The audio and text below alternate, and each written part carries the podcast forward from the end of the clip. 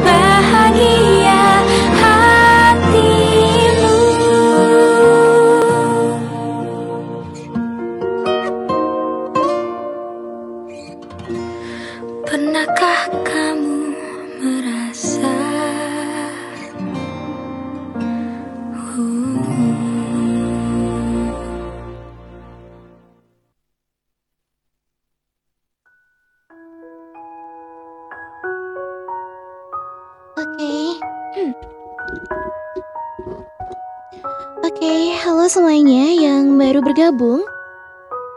Assalamualaikum warahmatullahi wabarakatuh. Aduh. Selamat datang di Aubuk kumpulan cerpen dari Airin, teman-teman. Oke. eh, untuk teman-teman yang mau request cerita, kalian bisa carinya itu di cerpenmu.com ya, teman-teman. Kalian bisa cari cerpennya di cerpenmu.com karena memang Airin sudah meminta izin di beberapa penulis yang ada di sana. Jadi biar tidak eh, copyright ataupun mengganggu kayak eh, hasil karya orang gitu, oke? Jadi Airin akan membacakan cerita-cerita yang ada di cerpenmu.com. Jadi selamat eh, mendengarkan untuk kalian dan semoga kalian bisa istirahat dan selamat tidur ya teman-teman.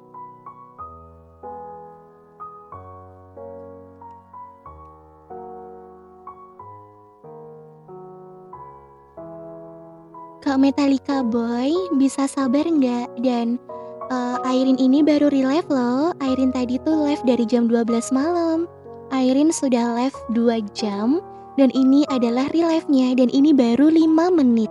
Ini Airin baru mengudara 5 menit. Jadi bisa sabar kan? Kalau tidak bisa sabar bisa cari room lainnya ya. Karena Airin bukan robot yang bisa langsung bla bla bla bla bla kayak gitu. Minum dulu Kak. Oke. Oke, Airin mau minum dulu ya. Kak Andreas Igo, halo. Wah, terima kasih. Udah rank 9. Hargain Kak Airin. Kak Akustik Battle, halo. Oke, bentar Airin minum sebentar ya. Semangat MJ dan IJ itu. Terima kasih Kak Mijon Rius. Kayak pernah denger backsoundnya. Airin sering loh bawain backsound ini. Fans garis keras. Segala Kak akustik mah Lucu suaranya Terima kasih Kak Erik Oke sebentar ya Kayak seperti biasanya Kita mulai di menit ke 10 ya Terima kasih Kak Meta Metallica Boy. Semangat terus Kak Airin. Terima kasih Kak Indra. Ya ini Kak Indra ini sering banget masuk ke roomnya Airin. Nih udah.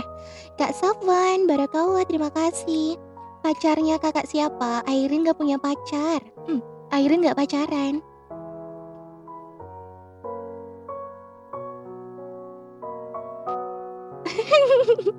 Airin gak pacaran. Hmm, cuman kalau calon udah ada. Parkun Bobo ya. Oke, selamat beristirahat Kak Akustik. Pagi Kak, pagi Kak Sparu. Aku pacarnya DJ tuh banyak kan, pacarnya Airin. Kak Airin biasanya live jam berapa? Airin live jam 12 malam, terus habis itu relive sampai jam 4 pagi. Kalau kalian nanya ke Airin nggak tidur, Airin tidur teman-teman. Airin tidur, cuman memang kerjanya Airin memang malam gitu. Jadi anggap saja Airin ini lagi shift malam gitu. Seperti di Indomaret Indomaret itu loh, yang shift malam jadi kerjanya malam gitu. Terima kasih Kak Dams. Gimana gimana pacar nggak ada tapi calon udah. Mm -mm, Airin nggak punya pacar. Sayang DJ-nya terima kasih Kak Rakan. Calonnya Airin tuh banyak tuh. Kegapai impian untuk ibu. Dari siapa, Kak Desi? Cerita dari siapa?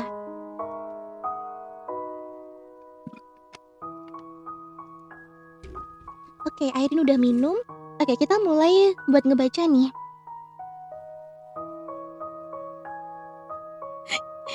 Segala calon nomor berapa dong? Malam, Akak dari Jogja. Halo Kak Eki, salam kenal dari Jawa Barat. Malam Kak dari Sulawesi, salam kenal dari Jawa Barat ya. Numpang tidur ya Kak? Oke Kak Rey, selamat istirahat Kak Rey. Tadi yang request tadi kakak itu dari mana itunya? Apa? Ceritanya siapa? Ku gapai? Ayo kita gelar tikar. Ayo teman-teman yang mau istirahat, ayo dicari dulu bantalnya. Terus cari posisi ternyaman. Terus kalian istirahat ya. Kak Airin tinggal di kota mana? Airin di Tasikmalaya. Cuman untuk uh, mulai mungkin bulan ini atau bulan depan gitu Airin mau pindah teman-teman. Jadi kalau kalian nanya ke Airin Tasiknya mana, nggak akan Airin kasih tahu percuma karena Airin di Tasik cuman tinggal beberapa minggu saja. DJ suaranya sopan banget. Oh, tuh tuh tuh tuh.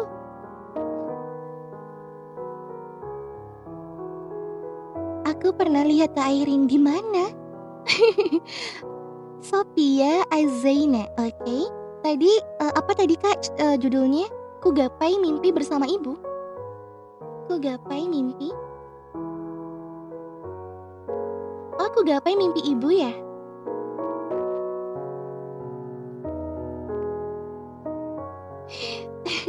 Terima kasih loh Kak Endrian.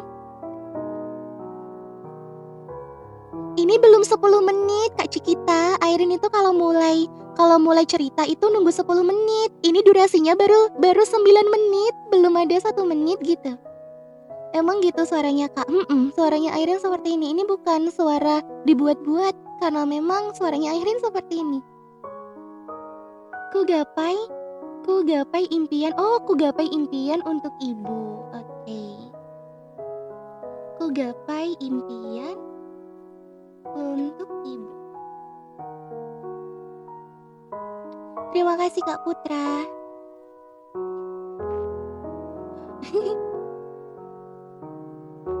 eh Kak Dams nggak boleh gitu. Nggak boleh gitu semuanya. Apa tuh namanya semuanya berkonten dengan bagus kok. Belum ada ceritanya. Bentar-bentar. Bentar Airin cari dulu ya. Oh ini dari Sofia Ezaina.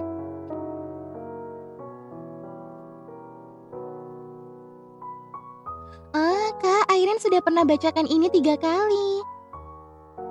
Kakak, kakak, Kak Desi, Airin sudah pernah bacakan ini tiga kali, Kak. Boleh yang lainnya nggak?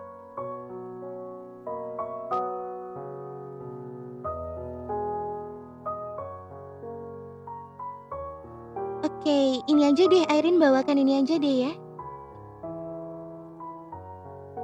Mbak Airin, Kak Civel. Halo Kak Civel. Kak Civel udah end live. Kok udah end live? Hmm. Bentar.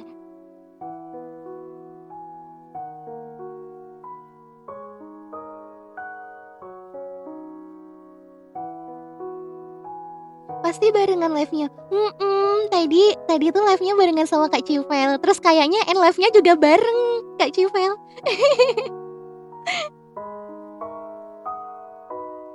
Bentar teman-teman ya, Airin carikan dulu untuk cerpennya.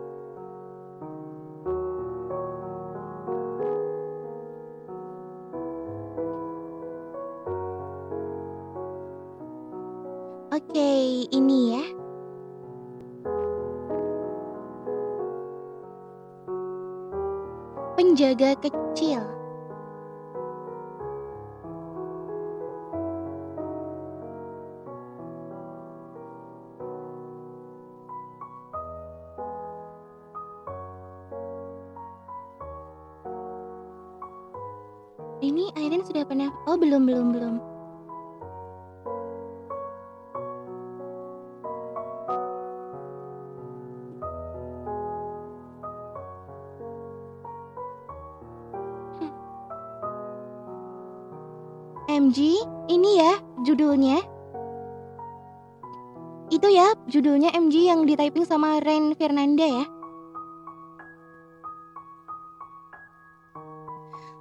Teman-teman, selamat mendengarkan untuk kalian dan selamat beristirahat ya. Pejamkan mata kalian, lupakan janji manisnya dan selamat beristirahat.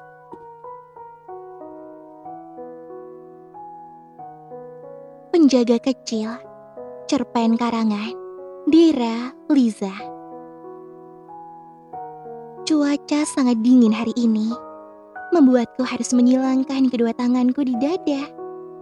Jaket hitam pemberian kakek tidak bisa melawan kedinginan ini.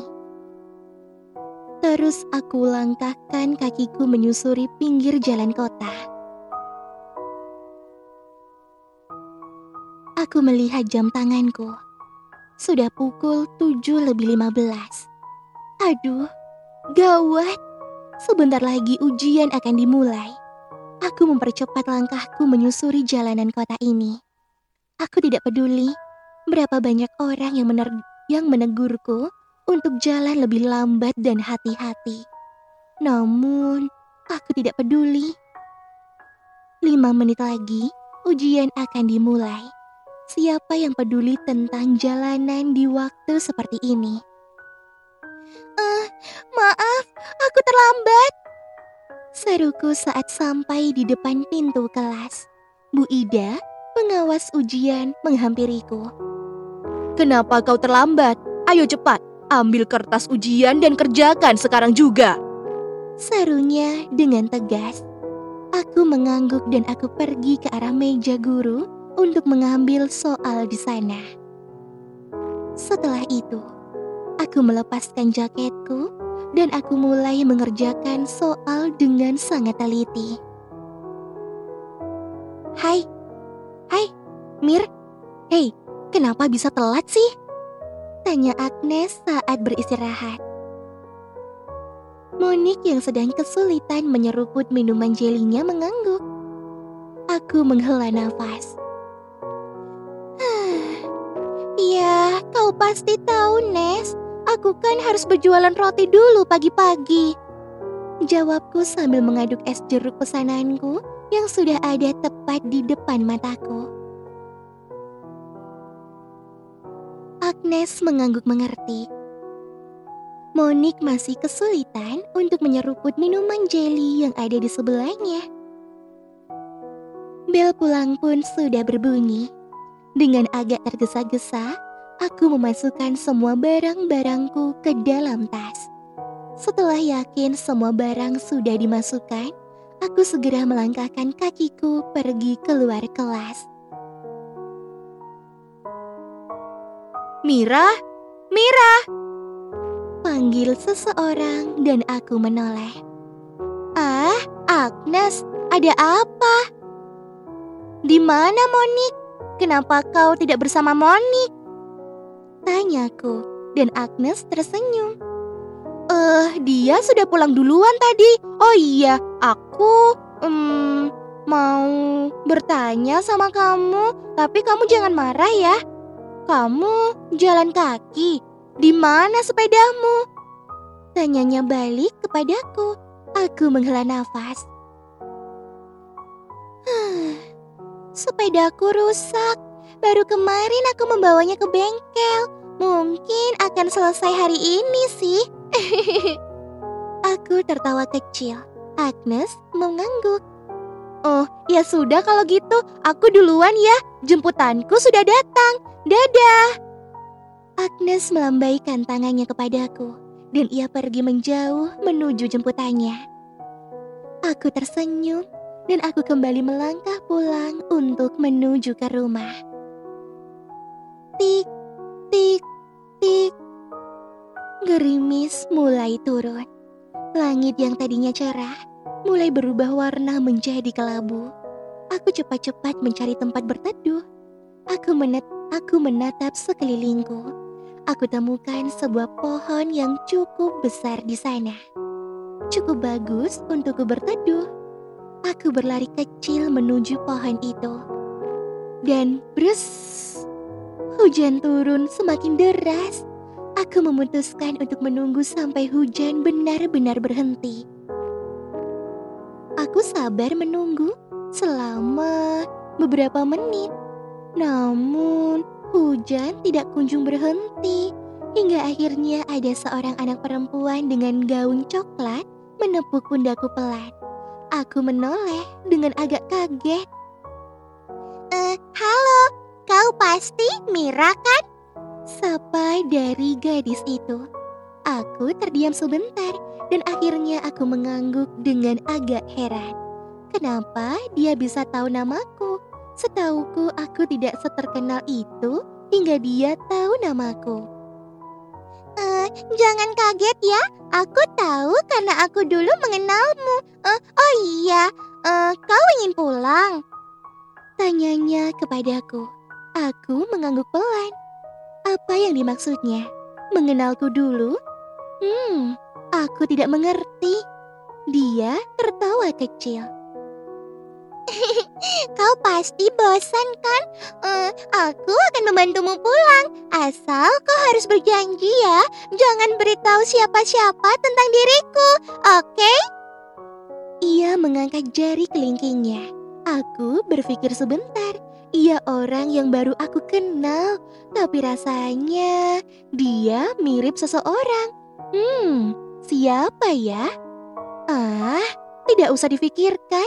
Kenapa juga aku harus memberitahu identitasnya kepada orang lain?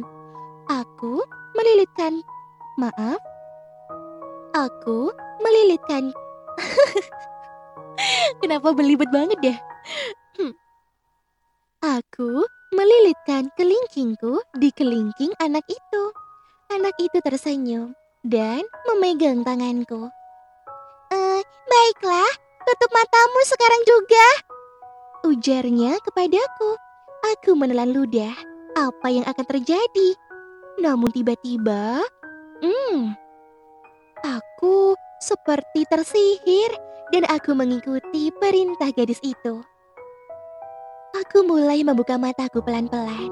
Aku melihat sekeliling dan ini adalah rumahku. Aku menatap sekitar. Rumah sepi, sepertinya nenek sedang pergi Aku berkeliling rumah. Dia sudah tidak ada. Si gadis misterius itu. Siapa ya dia sebenarnya? Wajahnya tidak asing bagiku. Tapi aku tidak tahu dan aku tidak bisa mengingatnya. Siapa dia? Kau sudah pulang, Mira? Ternyata suara seseorang dari luar pintu. Aku menoleh. Ah, itu nenek. Iya, Nek. Baru saja pulang. Nenek habis dari mana? Tanyaku saat aku melihat nenek membawa tas hitam kesayangannya dan masuk ke dalam rumahku. Nenek tersenyum sambil menaruh tas hitamnya di meja makan. Nenek habis dari luar. Kau sudah makan? Tanya dari nenek balik. Aku menggeleng pelan. Eh, nanti saja, Nek. Aku belum lapar. Jawabku kepada nenek. Nenek hanya mengangguk. Kalau begitu, nenek masuk ke kamar dulu ya, Nak. Nenek lalu membelai kepalaku pelan. Aku mengangguk. Nenek pun pergi menjauh menuju kamarnya. Aku merebahkan diriku di sofa. Ah, iya, aku baru ingat sesuatu. Aku merogoh saku bajuku. Uang hasil penjualan rotiku tadi pagi masih tersimpan di dalam sakuku. Aku menaruh uang di meja makan dan kembali merebahkan diriku di atas sofa. Aku menatap langit-langit dan siapa ya gadis itu sebenarnya? Tidak lama kemudian, mataku mulai terpejam pelan-pelan. Mira, Mira, bangun Mira, sudah jam 2, kau tidak les? Seseorang mengguncang bahuku pelan. Aku mendengar suara itu lagi. Tapi, kenapa nenek yang membangunkanku? Aku membuka mataku pelan-pelan. Jam 2. Hah?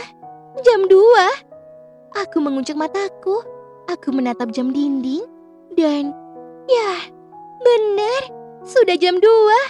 Aku harus cepat-cepat bangun. Dan aku berganti baju. Aku menyambar tasku dan aku cepat-cepat pergi ke ruang tamu. Eh, Nek, eh, Mira pergi dulu ya, Nek. Assalamualaikum.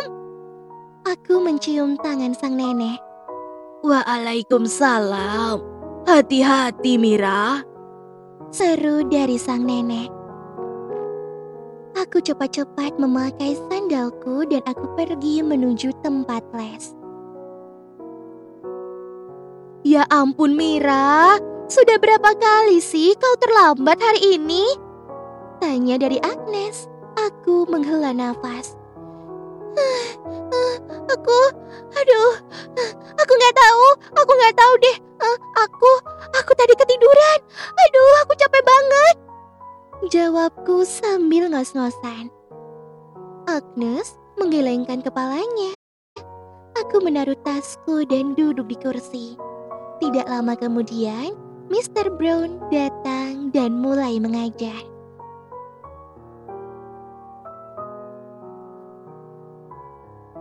Agnes melambaikan tangannya dari kejauhan. Aku membalas lambaian tangannya. Setelah Agnes menjauh, aku kembali melangkahkan kakiku untuk pulang ke rumah. Aku berjalan melewati lapangan dan ada banyak orang di sana. Ada yang bermain bola, ada juga yang bermain basket. Aku tersenyum melihatnya. Ingin rasanya aku ikut bergabung dengan mereka. Tapi aku harus sampai di rumah secepatnya. Atau nenek akan khawatir kepadaku. Aku lalu mempercepat langkahku hingga seseorang berteriak kepadaku. Hei, kau, kau yang ada di sana, awas, minggir! Teriak seseorang. Aku menoleh dengan agak kaget. Terlihat sebuah bola mendekat ke arahku. Bola itu melaju dengan sangat cepat. Aku merasa bola itu tidak dapat dihindari. Aku menutup mataku dan aku bersiap-siap untuk dihantam oleh bola keras itu. Namun, tidak terjadi apa-apa. Aku membuka mataku pelan-pelan. Gadis yang tadi siang menyapaku saat hujan melindungiku dari bola itu. Karena ia yang melindungiku, maka beran maaf, maka peran korbannya beralih ke dia. Kepalanya terhantam bola dengan sangat keras, sehingga ia terjatuh dan tidak sadarkan diri. Darah itu terus mengucur deras dari kepalanya. Aku terdiam. Tidak mungkin. Aku mengguncangkan bahunya pelan. Ayo bangun, bangunlah. Hei, kau bangun. Kau tidak apa-apa kan? Bangunlah. Ayolah, jangan bercanda. Ayo bangun. Aku terus menepuk pipinya dengan pelan. Ia masih terdiam kaku dan air mata mulai mengalir di pipiku. Aku terus menguncangkan tubuhnya lebih keras. Namun, sia-sia. Dia masih terdiam kaku di sana. Aku berteriak memanggil si pemukul bola itu.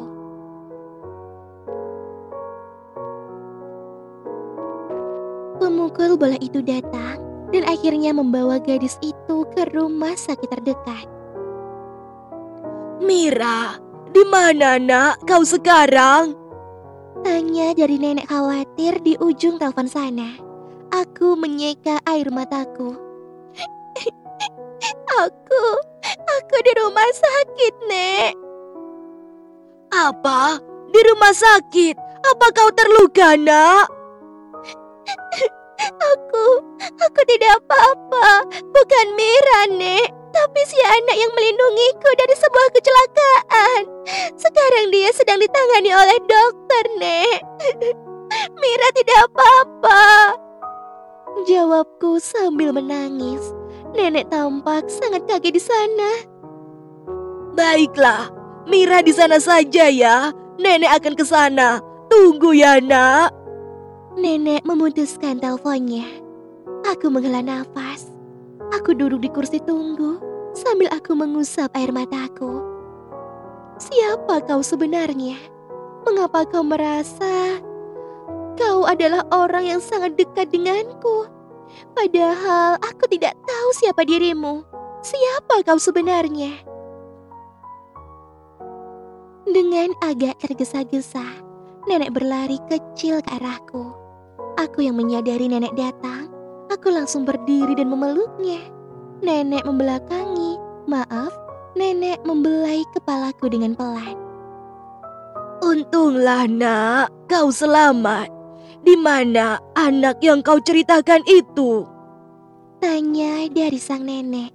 Aku mengusap air mataku yang sudah membasahi bajuku. Dia, dia ada di dalam. Aku tidak tahu siapa dia, Nek. Tapi entah mengapa, dia sangat dekat denganku. Bahkan, bahkan dia juga menolongku, Nek.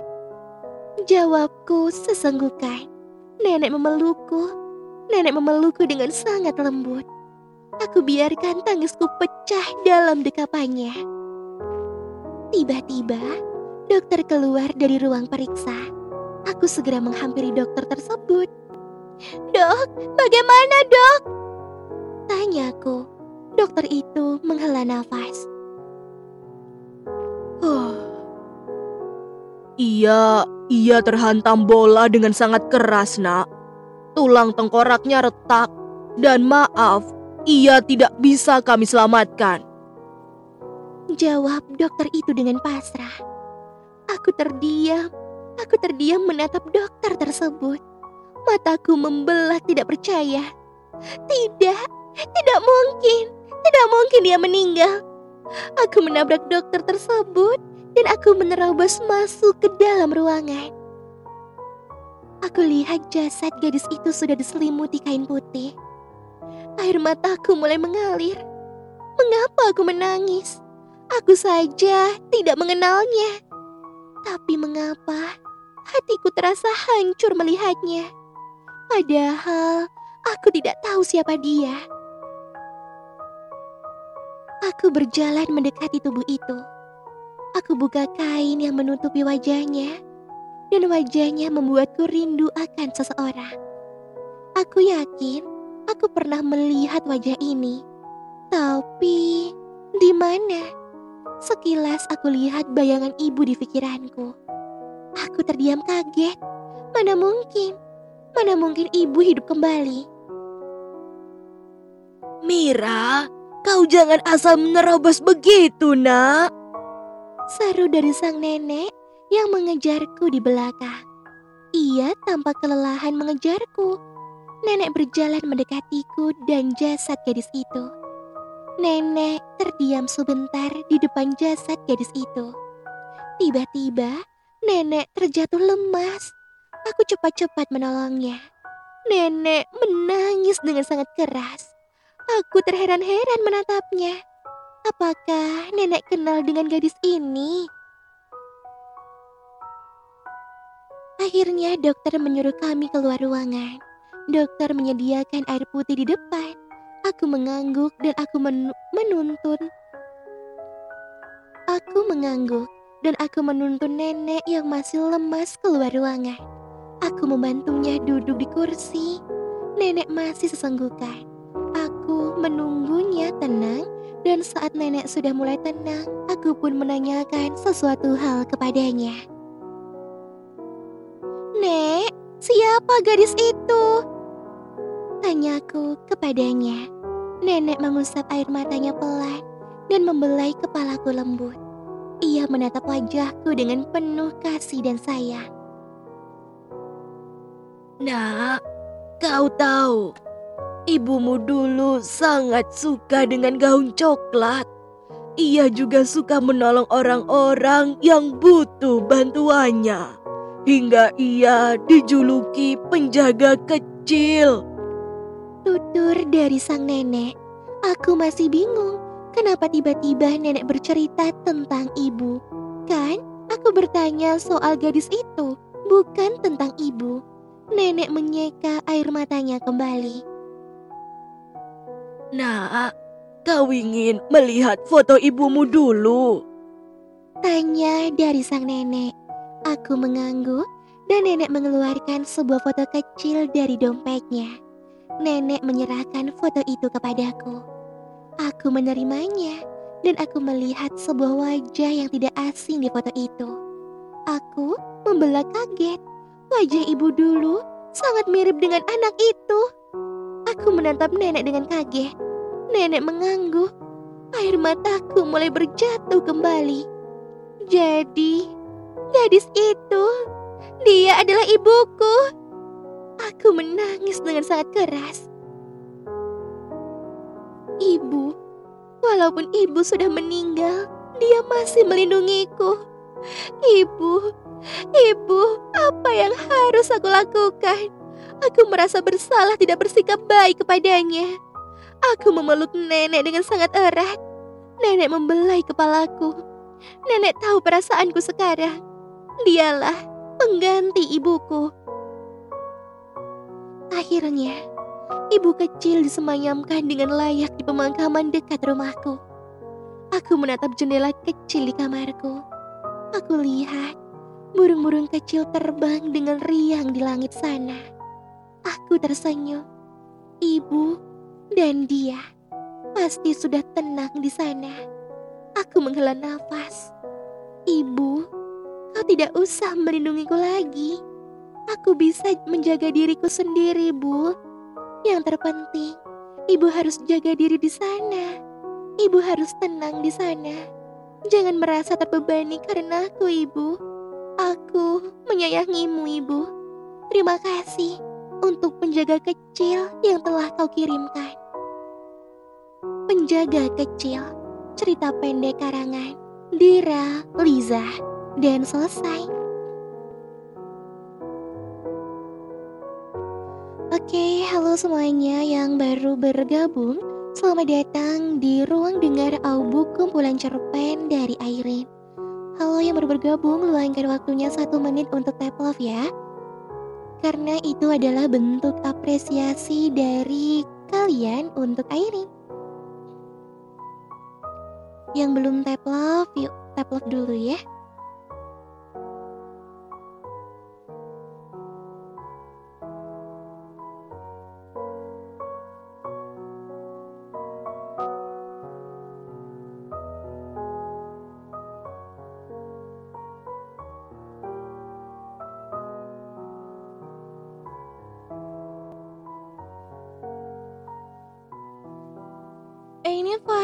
Razi siapa ya?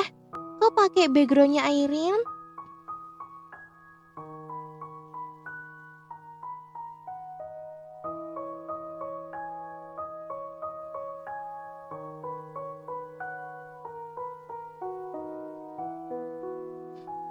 Tiga puluh lima menit. Oh durasinya ya? Iya durasinya 35 menit. Halo semua yang baru bergabung, selamat datang teman-teman. Luangkan waktunya satu menit untuk tap love ya. Jika di bawah kanan kalian sudah ada love yang berwarna merah, jangan lupa di tap tap. Karena itu adalah bentuk apresiasi dari kalian untuk Airin. Udah pada tidur kak?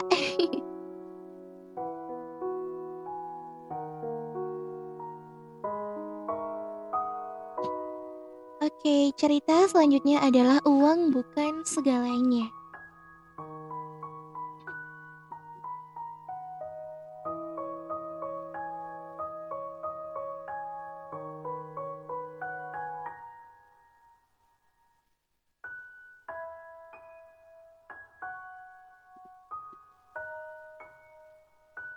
DC?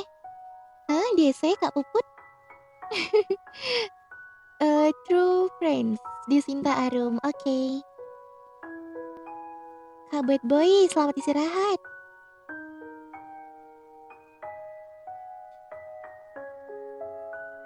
EMG tadi tuh ada yang pakai itunya Airin loh. Itu siapa?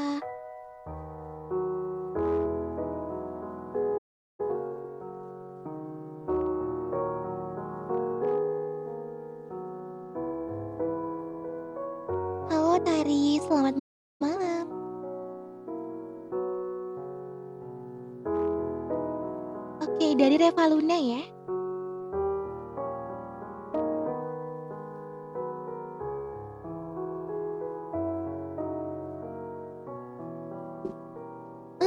Ada yang ngambil backgroundnya Airin. Oke Kak Kusnul, selamat istirahat ya. Hai Kak, halo Kak Ilham. Parku dimulai, selamat istirahat Tari. Tadi ada, tadi ada yang pakai backgroundnya Airin. Airin nggak tahu siapa tapi. Airin nggak kenal soalnya. Halo, aku orang baru di Spoon. Salam kenal Kak Arman. Semoga nyaman di roomnya Airin ya. Hai Kak, halo Kak Awis. Oke, yang belum tap love yuk, tap love dulu. Oh, Narji nge-MG sendiri ya? Bumblebee? Oh itu. Oke, kirain sendirian. Hai, halo Kak Hafiz. Yang belum tap love yuk teman-teman, luangkan waktunya satu menit untuk tap love terlebih dahulu ya. Karena itu adalah bentuk apresiasi dari kalian untuk Airin.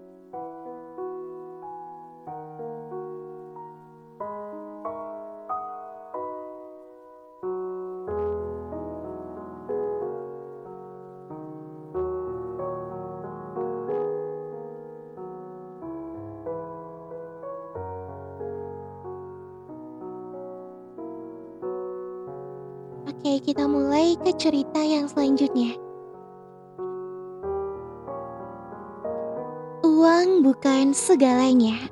Cerpen karangan Reva Luna Aurum Zahra.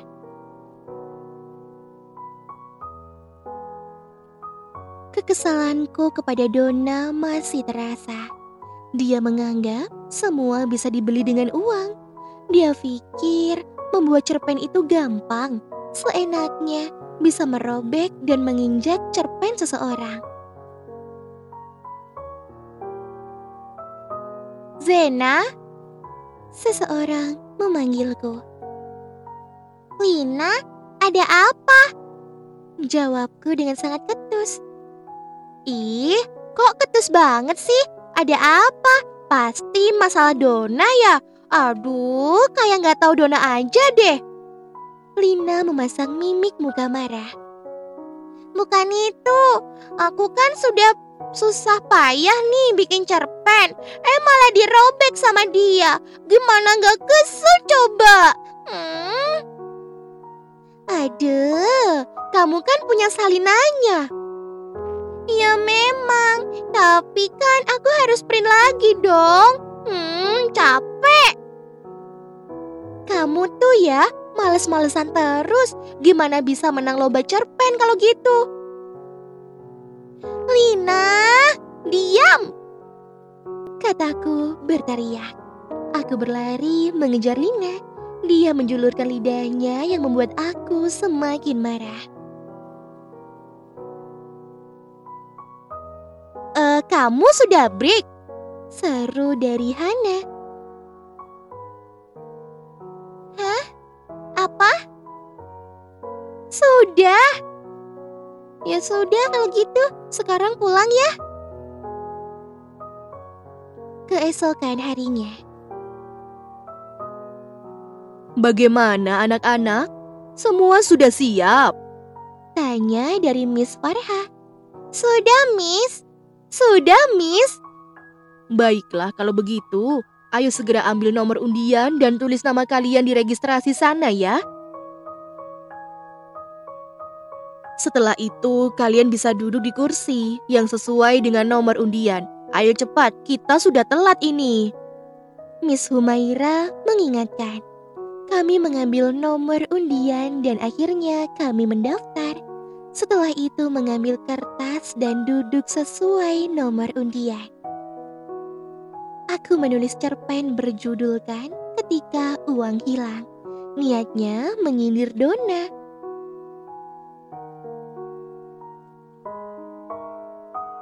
Akhirnya lomba pun dimulai.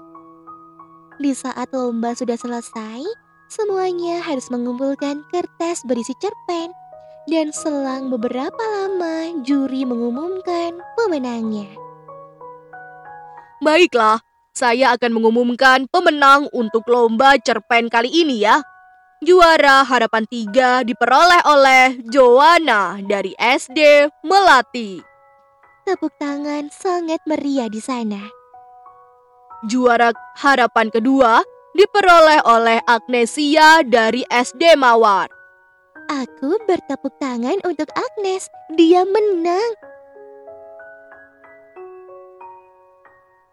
Juara harapan satu. Wah, siapa nih? Hmm, juara harapan satu diperoleh oleh Kaila dari SD Habaib. Tepuk tangan kembali sangat meriah.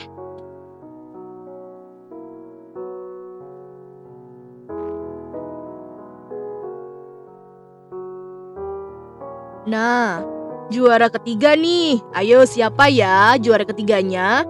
Hmm, juara ketiga adalah Gaudrina dari SD Mawar. Aku menyemangati Gaudrina yang tersipu malu di atas panggung. Juara dua yaitu dari SD Mawar lagi, yaitu Zena. Sungguh, aku kaget. Iya, aku menang. Sementara juara satu adalah Dona dari SD Mawar. Tepuk tangan tidak terdengar. Kami bingung. Sementara Dona mengedipkan matanya pada juri paling ujung. Curang, curang! Wah, dia pasti curang! Semua orang berseru menyoraki Dona. Sudah, sudah, cukup, cukup. Kami akan ganti kembali karena ternyata ada salah satu juri yang menerima suap. Oke, Pembawa acara pun menengahinya. Juara tiga adalah Juliana dari SD Greteh. Juara dua adalah Gaudrina dari SD Mawar. Dan juara satunya tentu saja Zena dari SD Mawar. Sorak-sorai memenuhi gedung lomba itu. Aku sangat senang bisa memenangkan perlombaan ini. Zena, kamu benar. Semuanya tidak bisa dibeli dengan uang. Maafkan aku ya.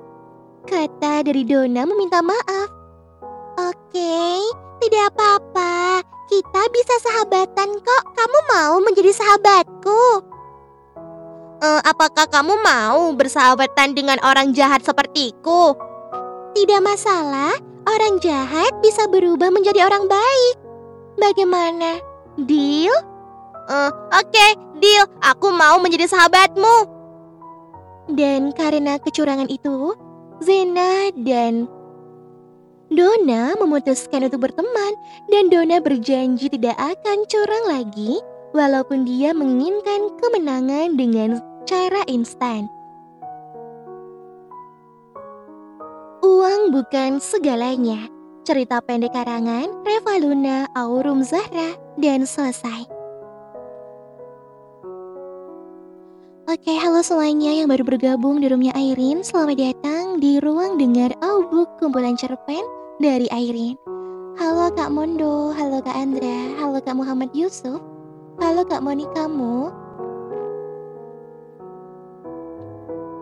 Teman-teman yang baru bergabung, eh, minta maaf ya kalau seumpama ada yang tidak tersapa.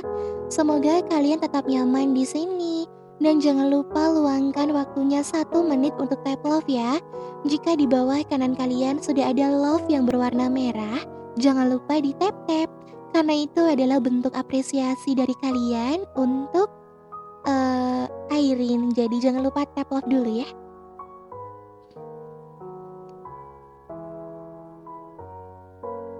Oke.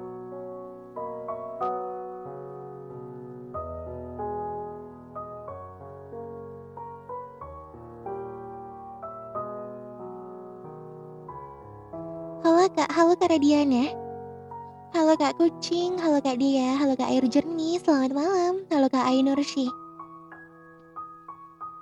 Alhamdulillah sehat. Udah makan? Sudah. Halo Kak Putra, halo Kak Mantan. Oke, hmm, cerita selanjutnya. Sebentar ya, Irin carikan dulu untuk cerita selanjutnya.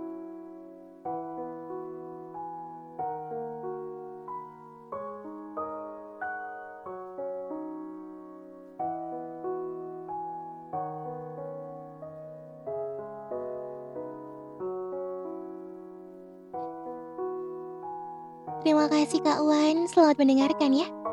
Lebih bermanfaat.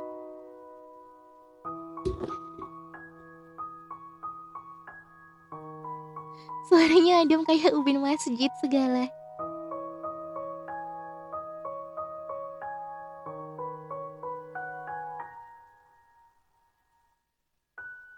Halo, halo Kak Nur. Ayo teman-teman yang belum tap love yuk, tap love dulu ya. Halo Kak Rama.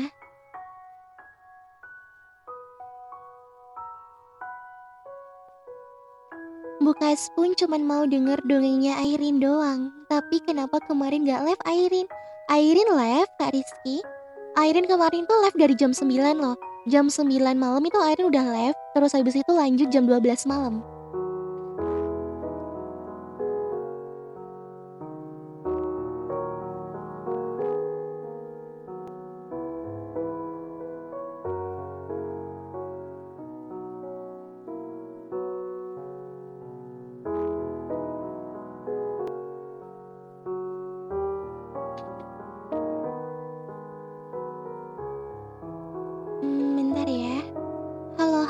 Awis. Iya kemarin Airin gak live lagi kemarin. Soalnya kemarin Airin sudah live jam 9-nya. Durasi, durasinya 49 menit. Kak Yorem, Yorem.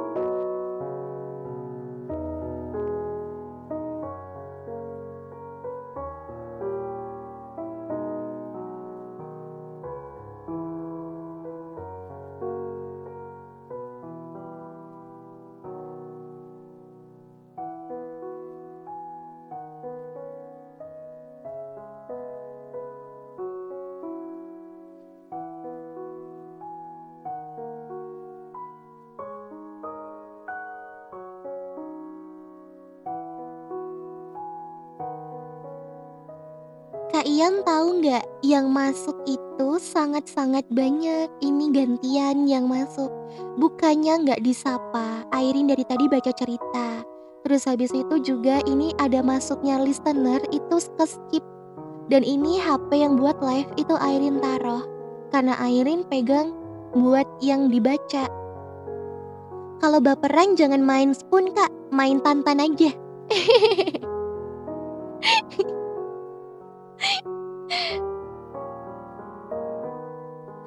tuh gabut, eh jangan gabut weh. Bentar-bentar. Ini kok Airin belum dapat ceritanya? Bentar, ini Airin masih cari kalian gak ada yang request cerita, makanya Airin masih cari cerita ini. Sabar ya.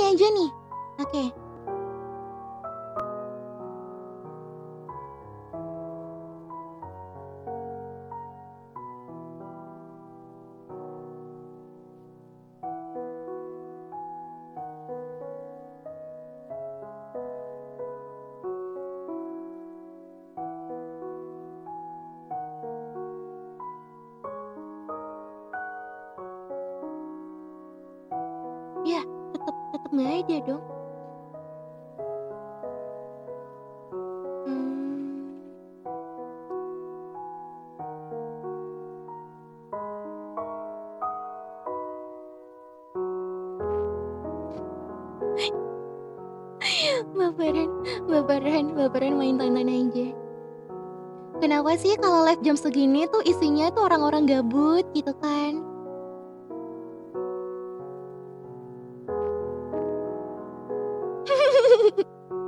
sabar teman-teman sabar. Airin tuh santai loh sabar.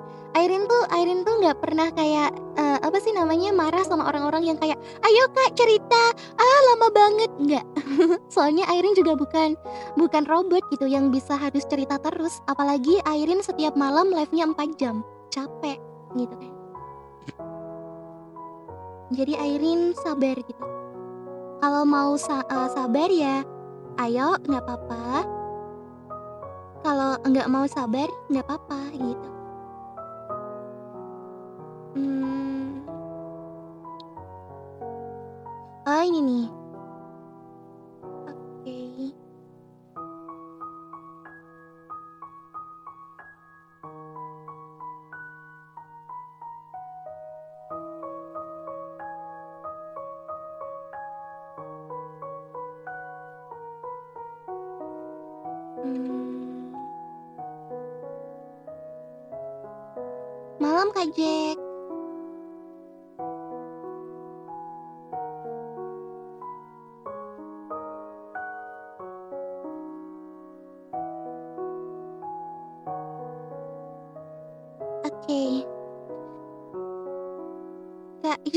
aku. Enggak, enggak, enggak, enggak. Bye-bye. Oke, cerita selanjutnya adalah pahlawan kecilku, cerpen dari Erna Hidayanti.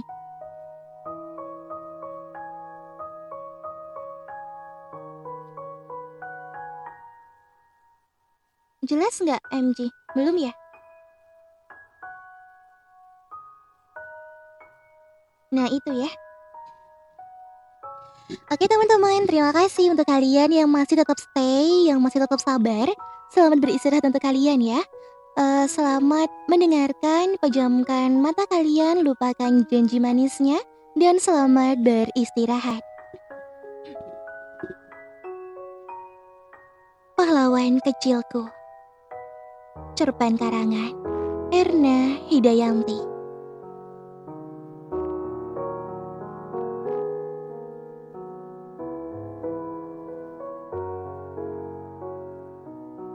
Matahari mulai menampakkan sinarnya. Rembulan hilang pergi atas kehendaknya. Semilir angin pagi pun membangunkanku dari lelapnya tidur yang membuat badanku berhenti sejenak. Iya, berhenti dari berbagai aktivitas yang telah aku lakukan sepanjang hari menjelang. Jendela kamar yang terbuka seakan mengundang sayup-sayup angin pagi, lengkap dengan kicauan burung yang sesekali hinggap dan terbang di atas genting kamarku. Iya, sangat nyaman. Pemikiranku hilang melayang terbang. Entah apa yang akan aku gapai di keheningan pagi yang membuat mataku sudah tidak ingin terpejam kembali. Namun, badanku yang lelah ini seakan berat untuk aku beranjak dari tempat tidurku. Di seberang balkon kamarku, aku melihat ada seorang anak kecil yang mungkin akan menginjak remaja. Duduk termenung sendirian di balkon kamar, dan yang aku lihat saat itu raut wajahnya memancarkan kesedihan yang teramat dalam. Tidak ada satu titik pun cahaya kegembiraan yang terlukis dalam wajahnya. Entah musibah apa yang telah menimpa dia. Matahari tepat berada di atas kepala. Ia menandakan bahwa hari telah menjelang siang. Seharian aku hanya terdiam, duduk di dalam kamar, dengan melihat seorang anak remaja itu, dan sesekali aku melamun tidak sadar akan keadaan yang ada di sekelilingku. Tapi sesekali, aku pun mendengar keadaan di koridor rumahku yang letaknya tidak jauh dari ruang kamar tidurku. Yang aku dengar hanyalah bisikan dan hentakan kaki saja. Entah, entah apa yang sedang orang lakukan di koridor sana. Tidak terasa malah menyambutku kembali dengan angin dan keheningan. Bintang-bintang berkelipan menghiasi langit dan menemani sang rembulan yang tidak pernah lelah menerangi dunia saat malam tiba. Suara-suara bintang pun tidak mau ketinggalan jadwal untuk melengkapi suasananya.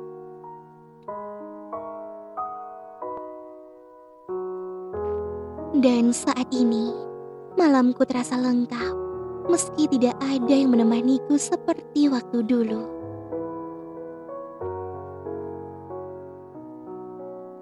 Seseorang yang menurutku sempurna di mataku saat itu.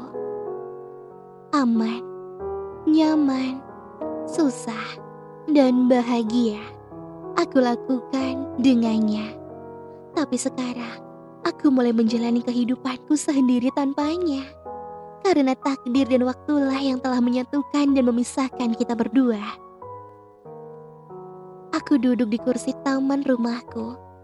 Langit hitam, sinar rembulan, dan kerlip bintang aku tatap dengan penuh kepastian dalam benak dan pikiranku. Yang terlintas hanyalah dirinya, keadaannya, dan kisah-kisah tentangnya. Beribu pertanyaan aku lontarkan. Namun tidak kunjung ada jawaban sedikit pun. Rasanya aku ingin berteriak sekeras mungkin hingga dia mendengarnya. Asik dengan lamunanku. Tidak sadar di sampingku tiba-tiba ada seorang anak remaja yang menghampiriku dengan mata yang bersinar dan senyum tulusnya. Aku... Aku sontak kaget.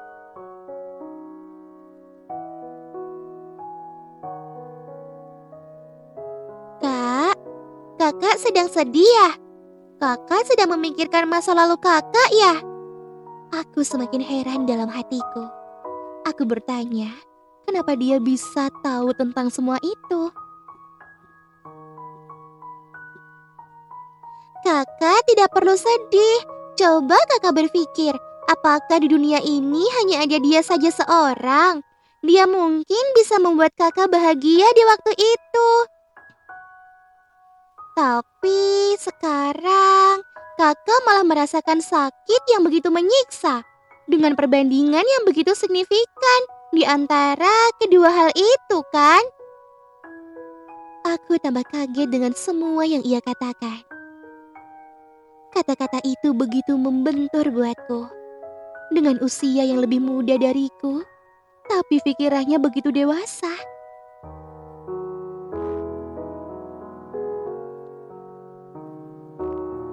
Aku mencoba merenungkannya, dan baru aku terpikir perbandingan yang signifikan. Yang dimaksud oleh anak itu adalah ketika rasa bahagia dan sakit yang telah ia berikan kepadaku ternyata lebih banyak kecewa dan sakit hati yang aku rasakan sekarang. Aku semakin penasaran kepada anak itu. Aku lewati jendela kamarku dan ke arah balkon kamarnya. Namun, tidak nampak seorang pun berada di sana. Aku beranjak pergi keluar rumahku. Ternyata, di taman sebelah rumahku, ada anak itu sedang duduk sendirian. Aku coba menghampirinya.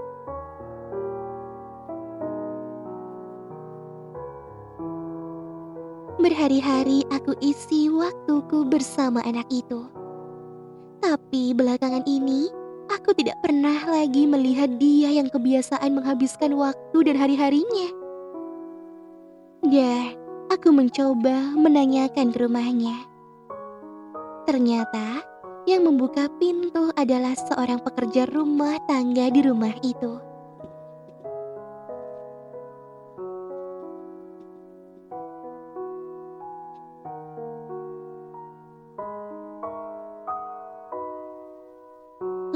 Pembantu itu menceritakan semua tentang Zara. Ternyata seorang anak remaja yang tangguh, kuat, dan pahlawan bagiku. Dia sudah menghadap sang ilahi dua tahun yang lalu karena penyakitnya yang diidapnya tidak kunjung pulih. Itu semua bagaikan mimpi panjang bagiku. Tapi entahlah, Allah itu maha segalanya. Mungkin dia memberikan jalan bagiku dengan cara yang seperti itu. Yang menurutku tidak masuk akal. Namun, aku sungguh begitu bersyukur kepadamu Tuhan. Dengan segala nikmat dan rencana yang begitu agung dan sangat indah. Kini kehidupan yang aku jalani jauh lebih baik dan daripada sebelumnya. Aku sudah berumah tangga sekarang. Ternyata semua perkataan yang pernah diucapkan anak itu kepadaku benar adanya. Sekarang aku mempunyai seorang suami yang benar-benar tulus mencintaiku apa adanya. Dan saya hidup bagaikan dengan dikaruniai seorang putri yang sangat cantik dan kuat seperti almarhumah Zahra Nabila Ananda. Terima kasih sayang, karena semua nasihatmu, aku bisa kuat sampai sekarang. Pahlawan kecilku. Cerita pendek karangan Erna Hidayanti dan selesai. Halo semuanya yang baru bergabung, selamat datang di ruang dengar audiobook kumpulan cerpen dari Airin. Udah teman-teman yang baru bergabung, luangkan waktunya satu menit untuk tap love ya. Karena itu adalah bentuk apresiasi dari kalian untuk Airin dan untuk teman-teman yang belum uh, uh, fan Airin, kalian bisa uh, klik foto profil Airin yang ada di atas ya. Dan uh, klik tanda fan biar nanti kalian dapat notifikasi kalau Airin live lagi. Oke teman-teman, ini durasinya sudah satu jam lebih tiga menit. Berarti waktunya buat Airin untuk break satu lagu dulu ya. Habis ini akan kita lanjutkan ke cerita yang selanjutnya. Jadi teman-teman stay enjoy dulu ya. Kalian uh, jangan ke mana-mana. Habis ini kita lanjutkan ke cerita yang selanjutnya. Selamat istirahat teman-teman. Semoga kalian mimpi indah. Lupakan janji manisnya dan selamat memejam.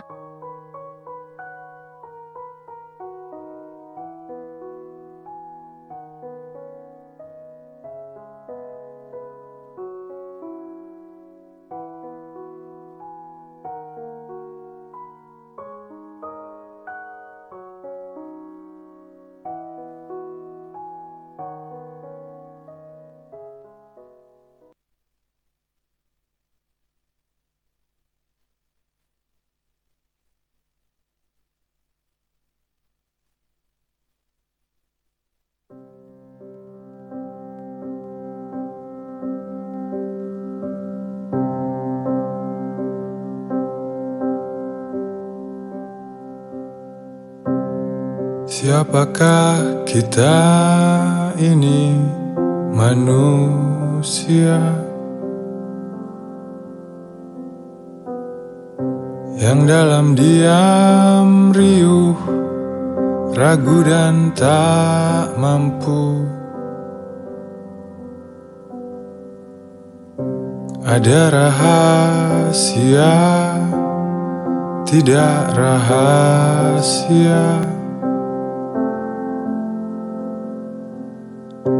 Ada di sini, ada di situ, diseret-seret waktu. Kita berjalan saja masih terus berjalan Meskipun kita tak tahu berapa jauh jalan ini nanti. Dan kita tak juga rela tunduk pada jarak. Dan kita tak juga rela tunduk pada jarak. Kita berjalan saja masih selalu berjalan.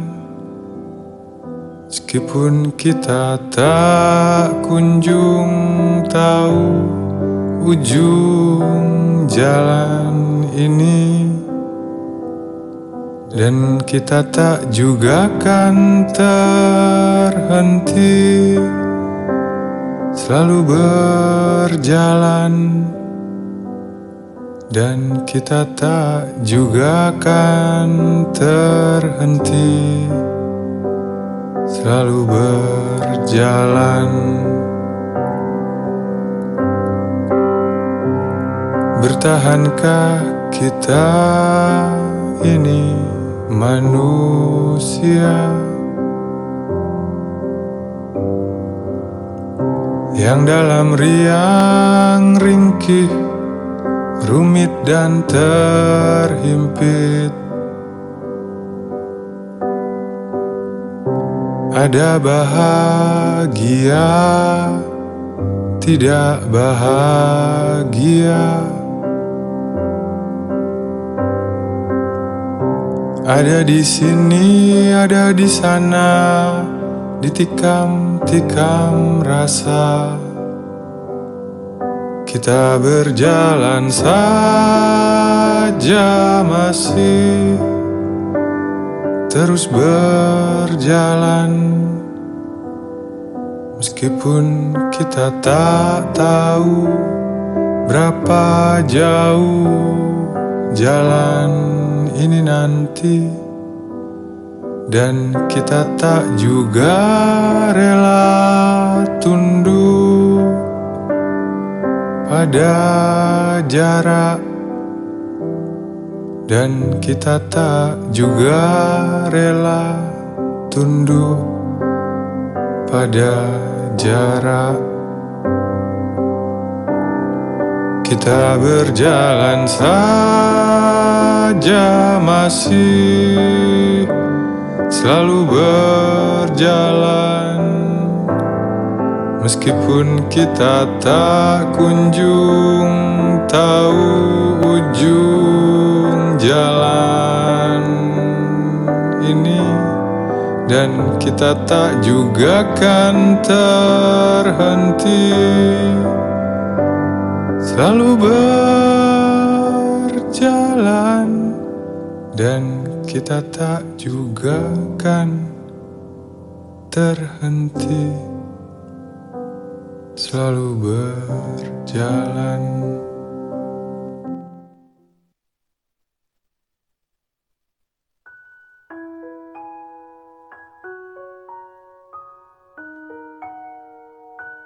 Oke, halo semuanya yang baru bergabung di roomnya Airin.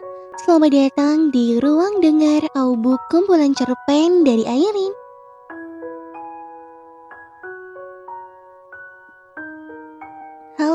Halo yang baru bergabung, selamat datang ya. Luangkan waktunya satu menit untuk tap love, karena itu adalah bentuk apresiasi dari kalian untuk Airin teman-teman. Jadi kalau di bawah kanan kalian sudah ada love yang berwarna merah, jangan lupa ditebarkan ya. Selamat ya Kak Desi, semoga lancar untuk pernikahannya. Amin. Dan untuk teman-teman yang belum fan Airin, kalian bisa fan terlebih dahulu ya. Biar nanti kalian mendapatkan notifikasi kalau Airin live lagi.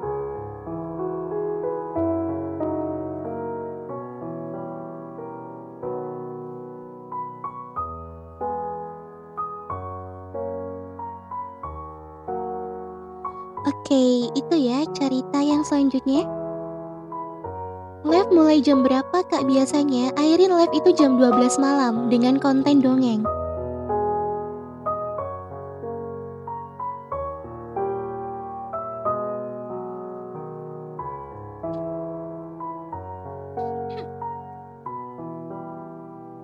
Airin kalau malam eh kalau live itu malam jam 12 malam. Karena memang kalau siang kerja.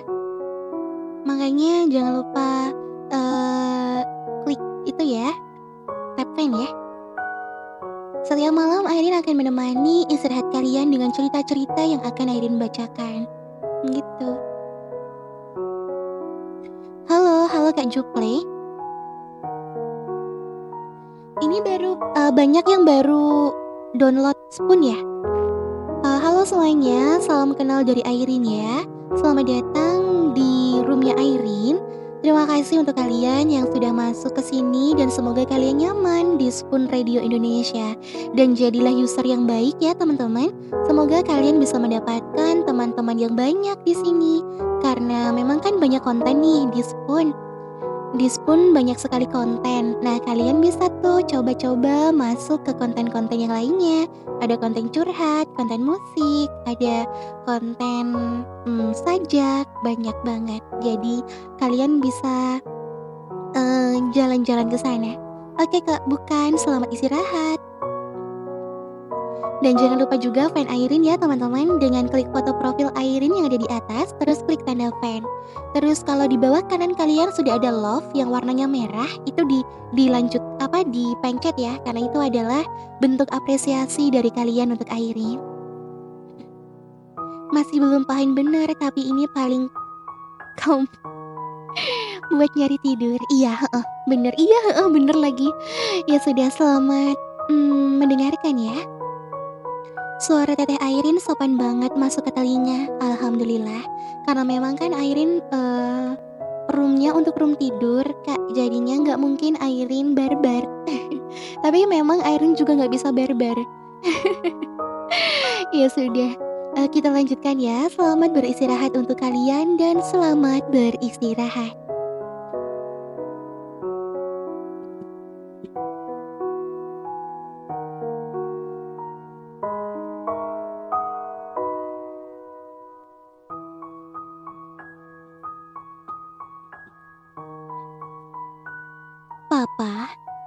Peluk aku sekali saja. Cerpen karangan Loli Asmara Dewi. Hai, perkenalkan. Namaku Anissa Ekayanti Putri Utami. Umurku tahun ini menginjak angka 16 tahun. Aku anak pertama dari dua bersaudara. Adikku bernama Anindita Dwi Putri dan usiaku dan usia Dita hanya selisih dua angka saja. Dia memasuki usia ke-14-nya di bulan lalu. Aku mengingat Dita selalu membuatku iri.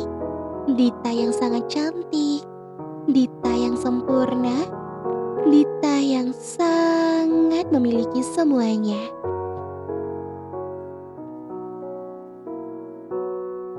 Di usianya yang memasuki masa remaja, Dita terlihat sebagai gadis yang sangat sempurna. Dari ujung rambut hingga ujung kakinya. Dita memiliki rambut yang panjang dan hitam mengurai. Kulitnya putih gading dan selembut satin. Jika dilihat dari wajahnya, bentuk mata, hidung, bibir, dan semuanya nyaris sempurna. Tidak ada garis cacat di sana. Selain fisiknya yang bisa dikatakan perfect, dia juga seorang gadis yang sangat pintar. Di sekolah, ia selalu menepati peringkat tiga teratas. Dita benar-benar merupakan anak kebanggaan mama dan papa. berbanding terbalik denganku. iya, tidak ada yang bisa dibanggakan dari diriku. Tidak dari segi fisik ataupun segi apa pun. Tapi aku tetap bersyukur karena Tuhan sudah memberikan aku anugerah kehidupan. Aku sedang menyisir rambutku yang keriting dan berwarna kekuningan ketika aku lihat bayangan wajah mama yang sangat cantik memantul melalui kaca meja rias. Wajah itu tersenyum kepadaku. Seketika itu, aku menghentikan kegiatanku dan aku menoleh ke arahnya. Lalu, aku membalas senyum mama dengan senyum termanis yang pernah aku punya. Mama boleh masuk, nak. Tanya dari mama. Begitulah mama. Ia selalu bertanya jika ingin masuk ke kamar anak-anaknya. Mama sangat menjaga privasi kami.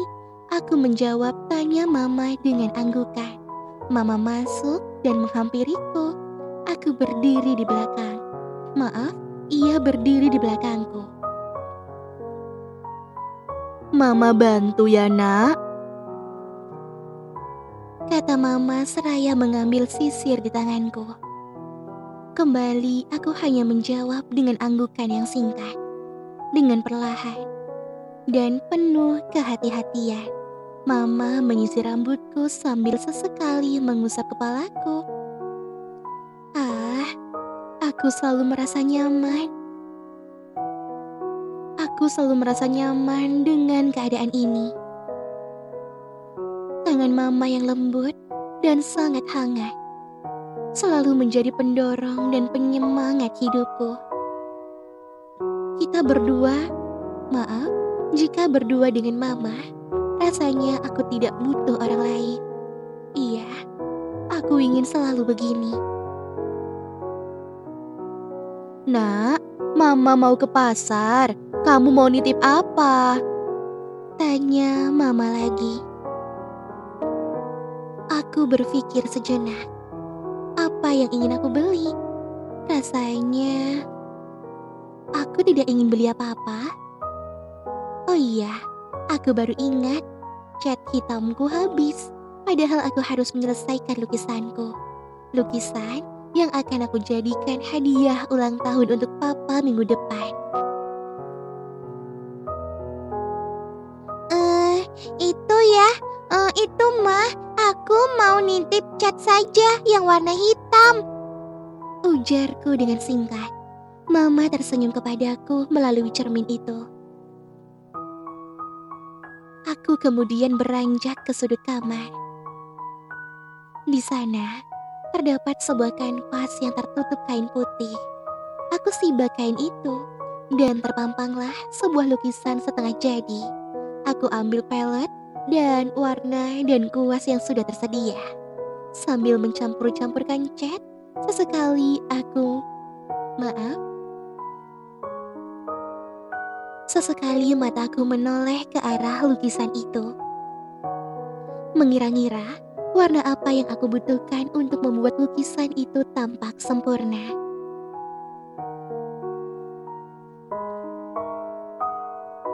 Di lukisan yang baru separuh jadi itu, ada sosok seorang laki-laki yang selama ini sangat aku rindukan pelukannya.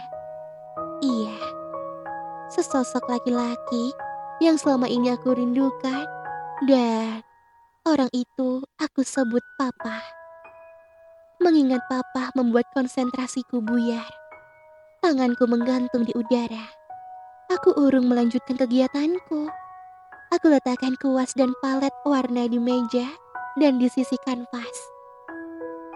Aku sangat merindukan ayah.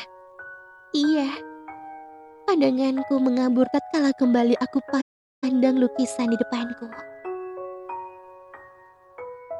Tiba-tiba, setetes air mata bergulir di pipiku. Andaikan Papa mau melihatku sedikit saja. Andaikan Papa mau memanggil namaku. Andaikan, andaikan Papa mau memelukku. Mungkin aku akan merasa menjadi orang yang paling bahagia sedunia. Aku tidak ingat lagi. Kapan terakhir kalinya papa melakukan semua itu untukku? Mungkin papa merasa aku sudah mati baginya. Anak papa hanyalah Dita, selalu hanya Dita. Pada suatu hari, aku pernah mendengar papa berteriak kepada mama. Aku malu punya anak cacat seperti dia. Lebih baik anak itu. Belum selesai papa berteriak. Aku mendengarkan pekik mama disertai isak tangisnya. Aku tidak kuat mendengarkan semua itu. Namun, aku tidak dapat berbuat apa-apa. Yang ada, aku hanya menangis. Yang dapat aku lakukan hanyalah menutup kedua telingaku. Dengan bantal tentunya. Memang demikianlah keadaanku. Aku terlahir tidak sempurna. Kedua kakiku tidak berfungsi dengan normal, sehingga seumur hidupku harus aku habiskan di kursi roda. Jika saja aku mempunyai kaki seperti Dita atau seperti anak yang lainnya, aku ingin berlari, aku ingin menari, Aku ingin berlompat-lompatan. Aku ingin seperti mereka. Aku yakin rasanya akan nikmat sekali. Tapi tidak bisa. Aku tidak sesempurna mereka. Tok, tok, tok. Suara ketukan di pintu membuat lamunanku buyar. Aku usap air mataku dengan cepat. Aku tidak ingin orang lain tahu jika aku bersedih. Aku tidak ingin orang tak orang lain tahu jika aku menangis. Mbak Nisa, ini Mbok. Ini Mbok mau antarkan makanan untuk Mbak Nisa. Suara dari Simbok yang medok terdengar di balik pintu. Iya mbok, masuk saja. Sahutku sambil menarik kain penutup kanvas di depanku. Ina yang sudah bekerja selama 20 tahun di keluarga kami masuk sambil membawa nampan yang berisi sepiring nasi beserta lauk dan segelas segelas susu. Taruh di meja saja, Mbok. Ucapku kepadanya. Loh, kok tidak langsung dimakan, Mbak? Kenapa? Nanti saja, Mbok. Nisa belum lapar. Jawabku kepada Simbo. Hari yang dinanti pun telah tiba. Sejak pagi, Mama dan Bo Ina sudah sibuk di dapur, menyiapkan makanan untuk pesta nanti malam. Walaupun pesta perayaan ulang tahun Papa tidak dirayakan secara besar-besaran, karena yang diundang hanyalah kerabat dekat dan beberapa relasi bisnis Papa saja. Aku membungkus lukisan yang telah aku buat dengan kertas sampul warna coklat. Nanti, aku akan minta tolong Bo Ina untuk meletakkan di ruang tamu. Tempat di mana acara akan berlangsung di sana. Seperti biasa, seperti tahun-tahun sebelumnya. Aku tidak pernah hadir di acara ulang tahun Papa. Aku tidak ingin Papa malu dengan keadaanku yang seperti ini. Aku tidak ingin melihat orang-orang menatapku dengan rasa kasihan. Biasanya, aku akan mengintip dari balik pintu kamarku jika aku dengar orang-orang menyanyikan lagu selamat ulang tahun. Dan aku akan ikut melafatkan doa jika Papa sedang melakukan doa sebelum tiup lilin. Iya, aku selalu mendoakan kesehatan, keselamatan, dan kebahagiaan untuk Papa. Semuanya untuk Papa. Bedanya sekarang, aku punya hadiah khusus untuk Papa. Jam dinding yang tergantung manis di tembok kamarku telah menunjukkan pukul setengah delapan malam. Aku melambaikan kepalaku dari balik pintu kamar. Aku lihat tamu-tamu sudah ramai berdatangan. Acaranya sebentar lagi akan dimulai. Detik demi detik telah berlalu. Namun tanda-tanda kemunculan seseorang di kamarku belum juga nampak. Aku kembali mengintip dari pintu kamarku. Semua orang ternyata telah berkumpul di ruang tamu. Karena acara puncak akan segera dimulai. Tiba-tiba, bayangan Bokna berkelebat dan aku segera memanggilnya. Akhirnya aku putuskan keluar kamar untuk menyusul Simbok di dapur. Sebelum keluar, aku menjangkau lukisan dalam sampul coklat itu. Lalu, aku mengintip kejadian saat Mbok menyerahkan lukisan itu ke Papa. Papa terlihat bingung. Ia melayangkan pandangan ke arah tempatku bersembunyi. Aku menarik diriku lebih jauh. Aku tidak mau Papa tahu dan aku tidak mau orang-orang melihatku. Aku takut papa malu. Acara puncak pun dimulai. Seperti biasa, lagu selamat ulang tahun sudah berkumandang. Kemudian, acara tiup lilin. Sesaat papa terdiam sebelum meniup lilinnya yang berangka 45. Aku tidak tahu apa yang diminta oleh papa dalam diamnya. Mereka terlihat sangat bahagia. Ada mama, ada Dita di sebelahnya.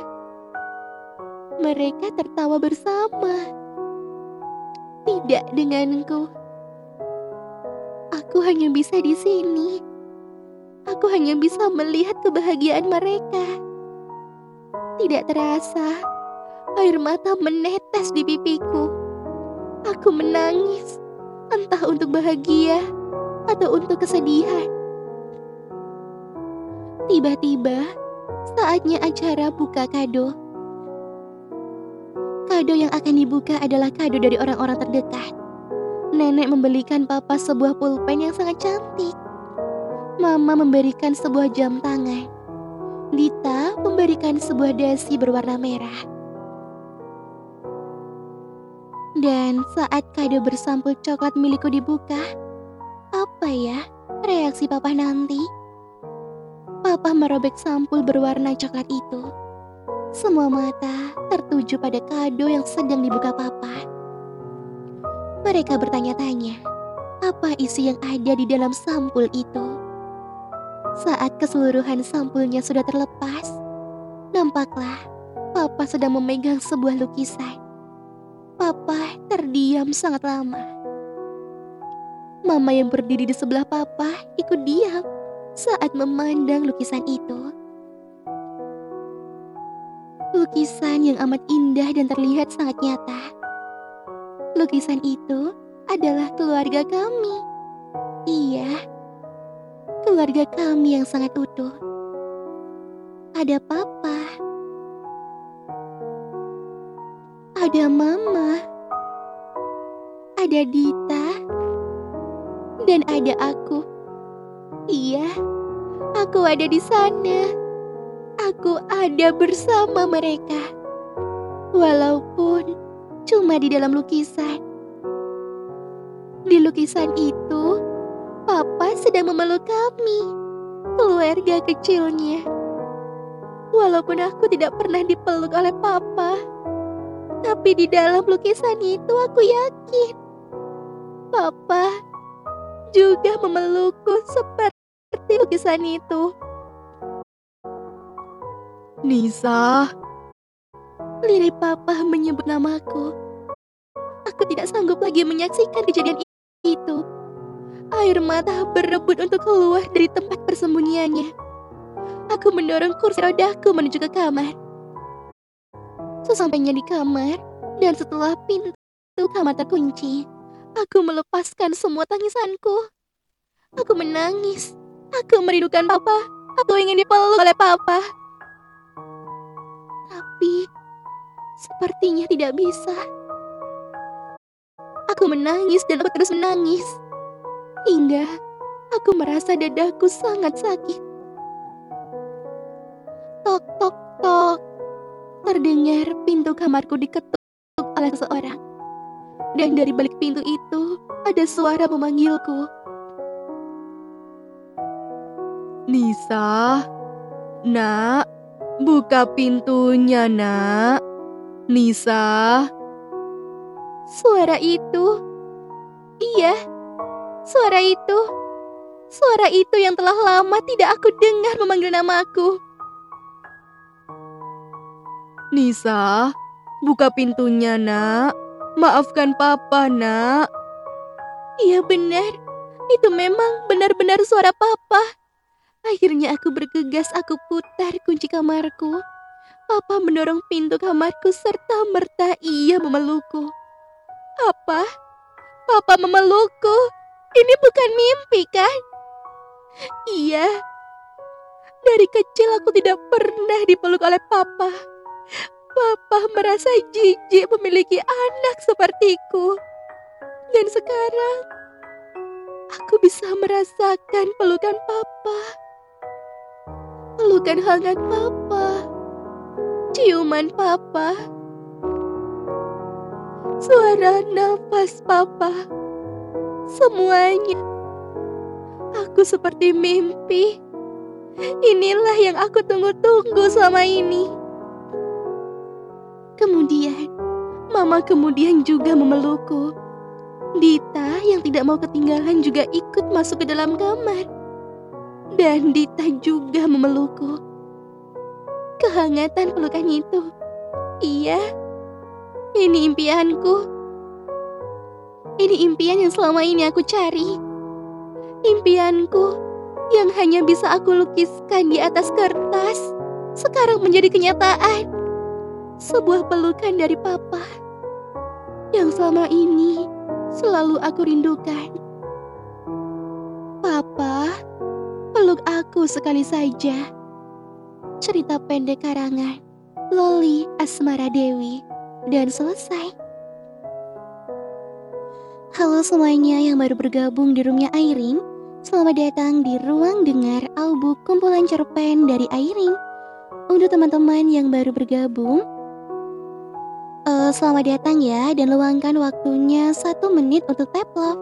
Jika di bawah kanan kalian sudah ada love yang berwarna merah, jangan lupa di tap-tap ya teman-teman, karena itu adalah bentuk apresiasi dari kalian untuk Airin. Dan untuk teman-teman yang baru bergabung, yang belum fan Airin, kalian bisa fan Airin terlebih dahulu ya. Caranya dengan klik foto profil Airin yang ada di atas. Terus klik tanda fan, biar nanti kalian mendapatkan notifikasi kalau Airin live lagi.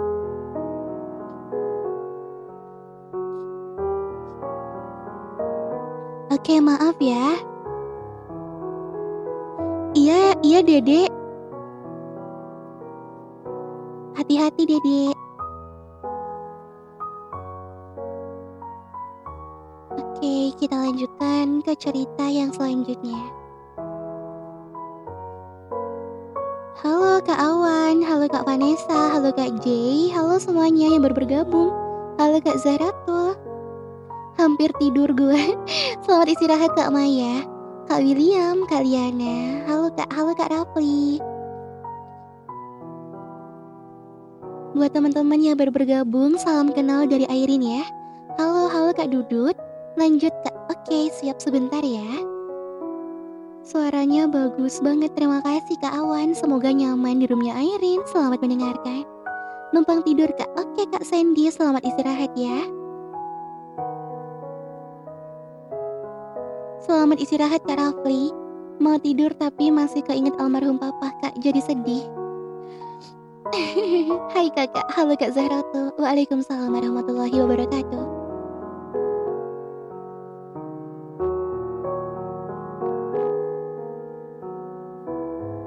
Ayo yang belum tap love, luangkan waktunya satu menit untuk tap love ya. Jika di bawah kanan kalian sudah ada love yang berwarna merah, love-nya jangan lupa di tebarkan karena itu adalah bentuk apresiasi dari kalian. Lanjut kak sambil nunggu pasien. Oh, semangat kerjanya kak Oyen. Terima kasih ya sudah tetap stay di sini.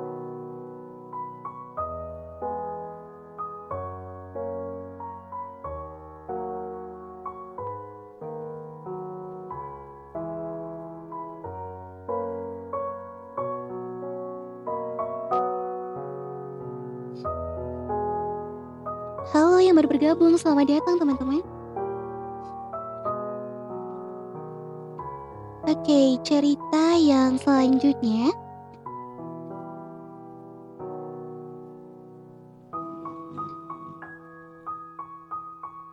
Eh, sebentar, Airin mau bacain eh, cerita dari ini aja deh.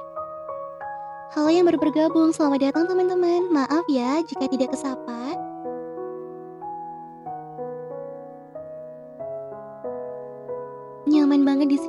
Selamat istirahat Kak Chan. Berkat Kak Airin, aku teringat almarhum Papa. Ceritanya bagus. Terima kasih Kak Esther. Kak Esther, eh, didoain saja papanya ya. Semoga papanya sehat, eh, bahagia di sana.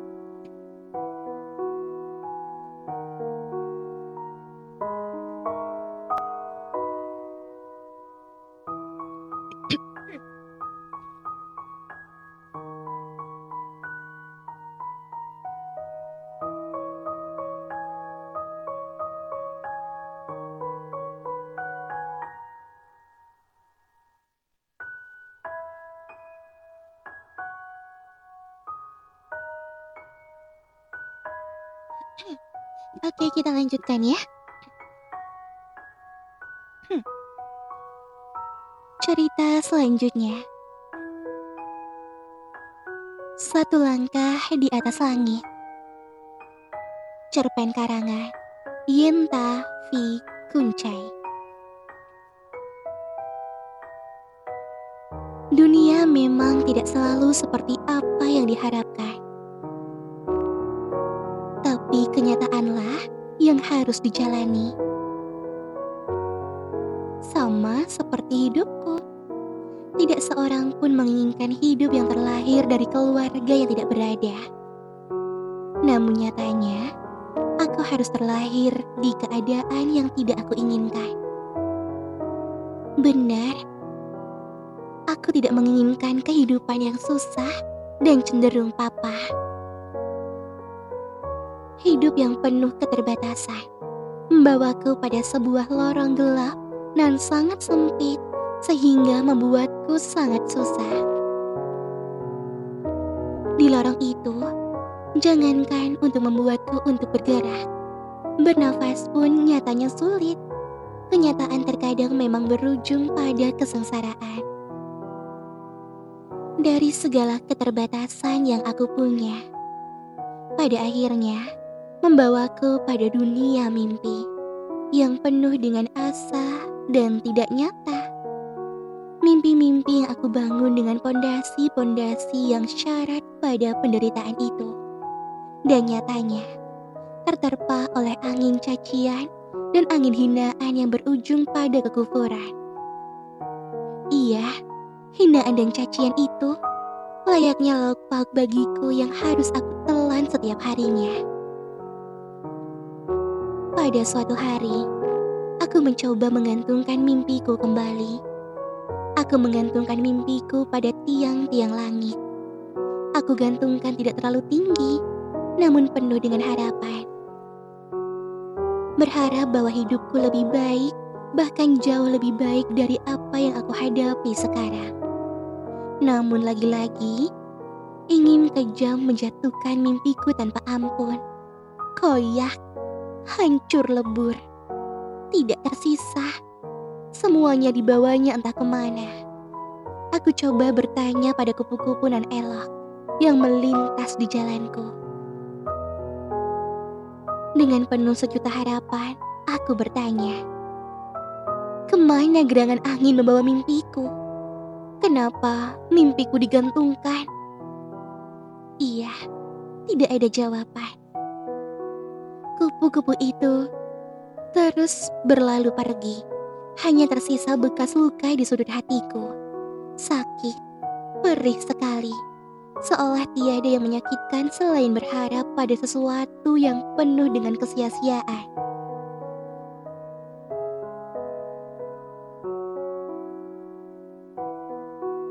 Lelah, putus asa, bahkan Rasanya aku ingin mati saja.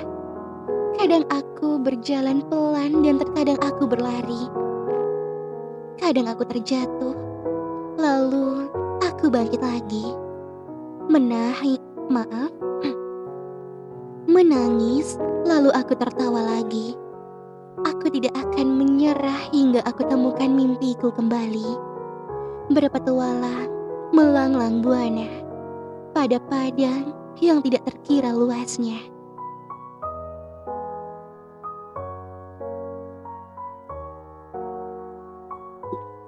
Pada suatu hari, aku bertemu pada manusia yang aku anggap segala-galanya. Iya, benar. Aku menganut aliran my everything. Aku ceritakan segala bentuk penat dan lukaku pada seseorang yang aku sebut my everything. Serba apa pun itu.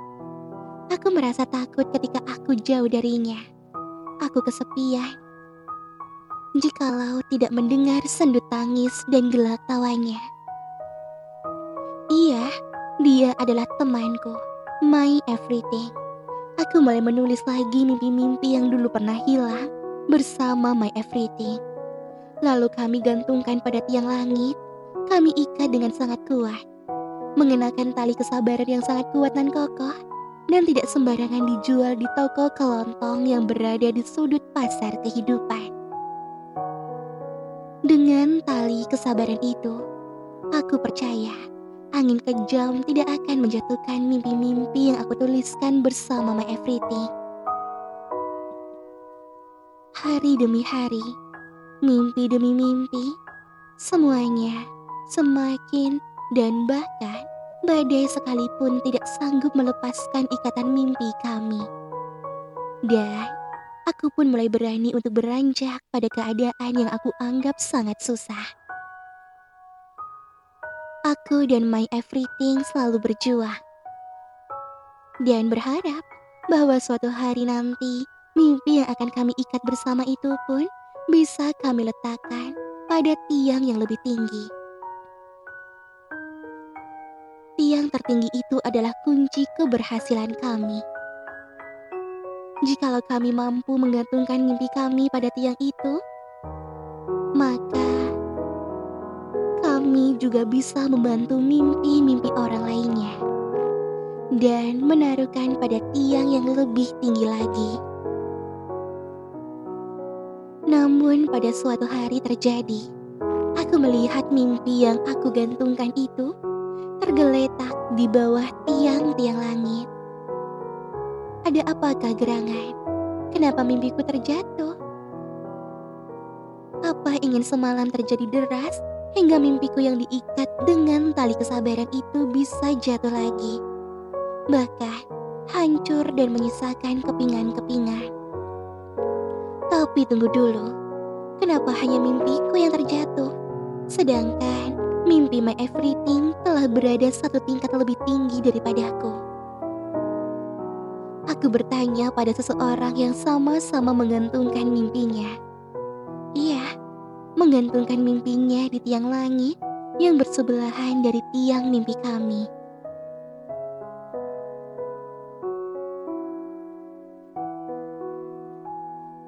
Ke mana akan aku bawa hatiku yang sakit ini? Hati yang penuh dengan kekecewaan karena terkianat oleh seseorang yang aku anggap my everything. Di mana? Di manakah letak balasan untukku? Di mana? Di mana? Di mana orang yang sudah aku anggap sebagai my everything? Dan adakah yang lebih menyakitkan dari semua ini? Tidak ada sepertinya. Harus aku gapai mimpi-mimpi yang pecah untuk sekian kalinya. Sangat sakit. Iya, dihianati oleh my everything. Tidak satu pun yang bisa menjawab pertanyaan-pertanyaan itu. Yang ada hanyalah keheningan yang berbalut tarik surya. Aku putuskan untuk mengumpulkan kembali kepingan-kepingan mimpiku yang telah dihancurkan oleh orang-orang yang sudah aku anggap sebagai orang-orang istimewa. Teman-temanku, pengkhianat, iya, mereka yang sudah menghancurkan semua mimpi-mimpiku. Sudahlah, biarkan saja. Aku tidak ingin mengingat-ingat orang jahat yang ada dalam kehidupanku. Dan semua hal yang terjadi kenapa begitu sakit saat berharap dengan sesama manusia. Dan aku memutuskan untuk tidak berharap dengan siapa pun terlebih manusia. Karena setiap kali aku berharap pada manusia, terlebih pada mereka, mereka yang aku anggap sebagai sahabat, mereka yang aku anggap sebagai keluarga, mereka yang aku anggap sebagai my everything, maka hasil yang aku dapatkan adalah kekecewaan, sakit, luka, zero, nol besar. Aku kembali berjalan di jalan setapak yang sangat sempit. Berdindingkan duri-duri dan beralaskan kerikil-kerikil tajam. Yang mana jika sekali saja aku jatuh, maka duri dan kerikil itu tidak segan-segan melukai tanpa belas kasihan.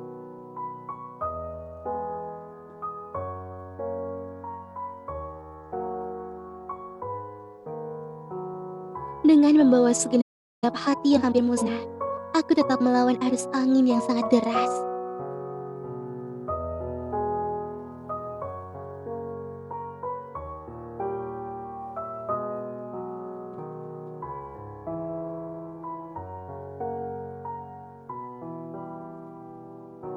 Kadang-kadang, aku mencaci sampah-sampah dan daun-daun kering tanpa perasaan.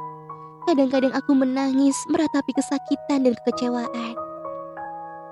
Kadang-kadang, aku berlari mengejar keadilan hidup. Iya, yang tidak kunjung aku dapatkan. Aku berteriak sekuat mungkin, hingga binatang-binatang merasa sangat risih. Dari perjalanan yang sangat sulit ini, aku telah sampai pada persimpangan jalan, yaitu jalan untuk menyerah atau untuk melanjutkan perjalanan dengan sejuta kesusahan. Tapi aku memutuskan untuk tidak memilih keduanya. Aku pilih jalan untuk pulang. Aku tahu saat ini yang aku butuhkan adalah seorang untuk bersandar. Walaupun aku tahu seseorang itu tidak akan pernah membantuku, tapi aku yakin setidaknya orang itu bisa menenangkanku dari hinggarnya dunia yang sangat kejam. Aku bertemu dengan perempuan yang aku panggil sebagai ibu. Aku menangis. Aku meratapi kehidupanku. Aku menangisi semuanya yang susah dan selalu gagal. Aku ceritakan segala bentuk kepahitan dunia. Aku jelaskan betapa sakitnya pengkhianatan, betapa melelahkannya bangunan harapan. Namun apa? Apa yang ku dapat? Aku mendapatkan tamparan yang sangat kuat sekali. Apa-apaan ini? Iya, rasa sakit lagi yang aku rasakan.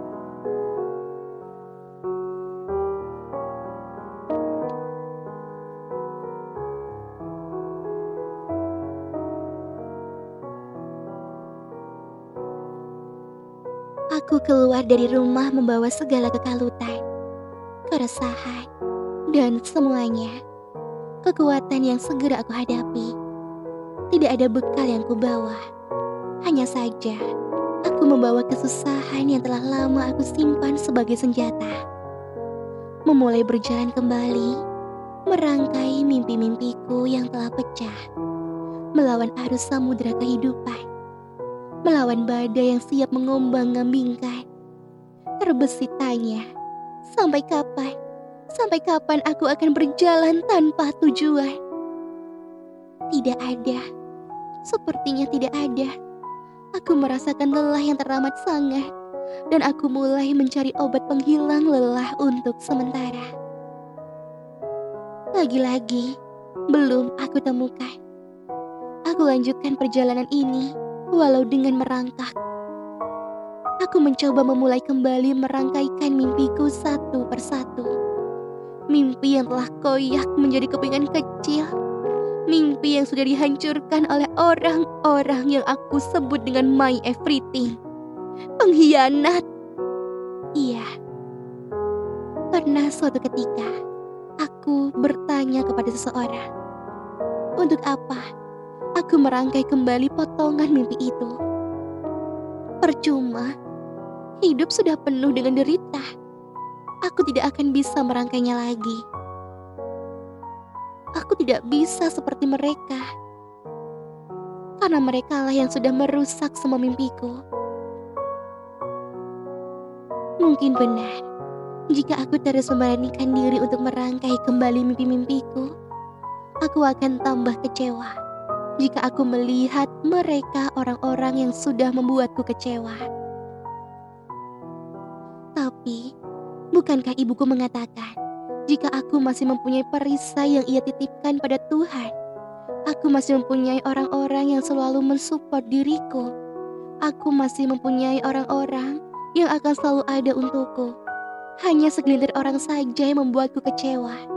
Alangkah sia-sianya, mimpi yang sudah aku tulis dengan susah payah, terkubur begitu saja bersama dengan kekecewaanku yang tidak kunjung pudar kepada mereka. Tidak, aku akan terus melanjutkan mimpiku, merangkainya kembali dan akan aku gantungkan di langit-langit yang sangat tinggi. Bahkan, lebih tinggi dari mimpi seseorang yang pernah aku sebut sebagai my everything. Aku, aku tidak peduli. Aku tidak peduli dengan mereka.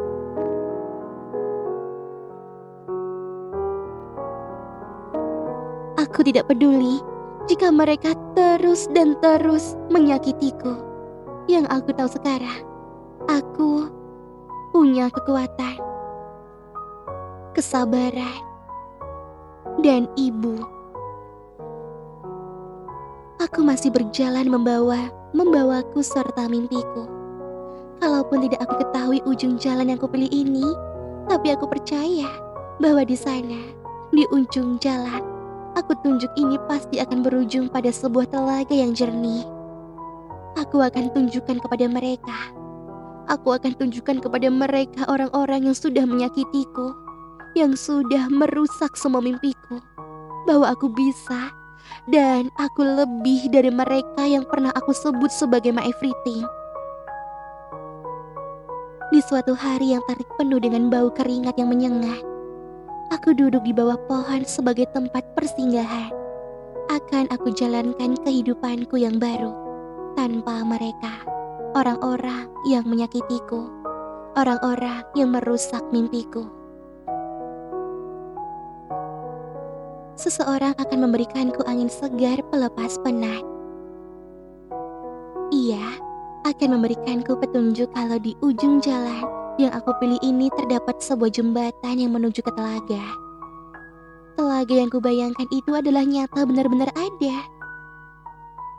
Jembatan menuju telaga ini sangatlah panjang dan berkabut. Mataku tidak bisa melihat dengan jelas apa yang akan terjadi di sana. Bertahun-tahun aku melewati jembatan ini yang telah mengajarkanku banyak pelajaran. Di jembatan ini, aku bertemu dengan orang-orang yang benar-benar mendukungku atas apa segala yang aku lakukan.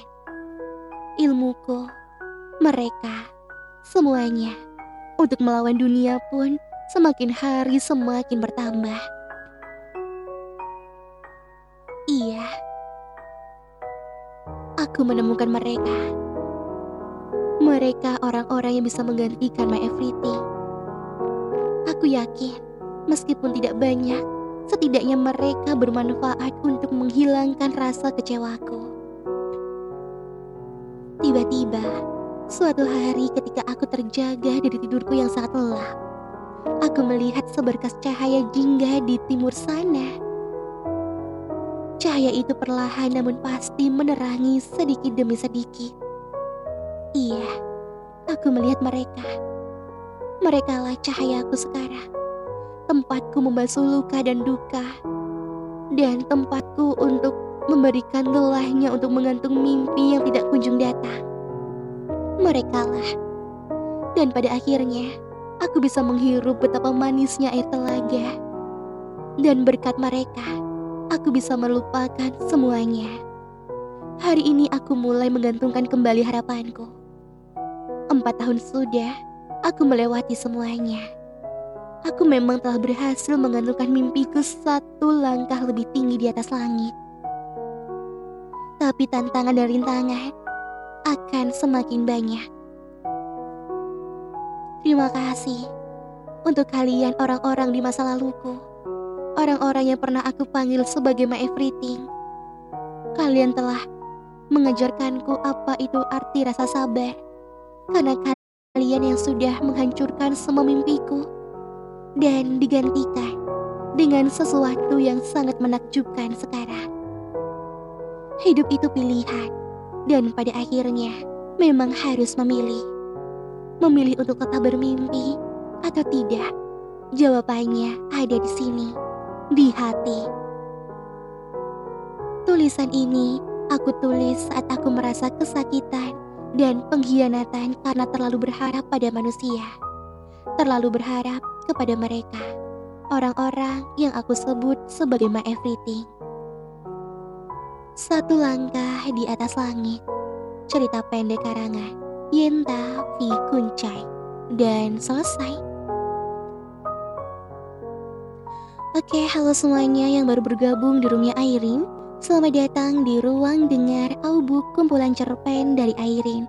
Untuk teman-teman yang baru bergabung, luangkan waktunya satu menit untuk tap love karena itu adalah bentuk apresiasi dari kalian untuk Airin. Jika di bawah kanan kalian sudah ada love yang berwarna merah, jangan lupa di tap-tap teman-teman, karena itu adalah bentuk apresiasi dari kalian. Halo Kak Suci. Dan mungkin ini untuk teman-teman yang baru bergabung di roomnya Airin, kalian boleh uh, tapkan Airin. Caranya dengan klik foto profil Airin yang ada di atas, terus klik tanda fan biar nanti kalian mendapatkan notifikasi kalau Airin live lagi. Oke teman-teman, jadi biar nanti kalian tidak ketinggalan notif dari Airin. Umur berapa Airin? Airin umur 22 tahun.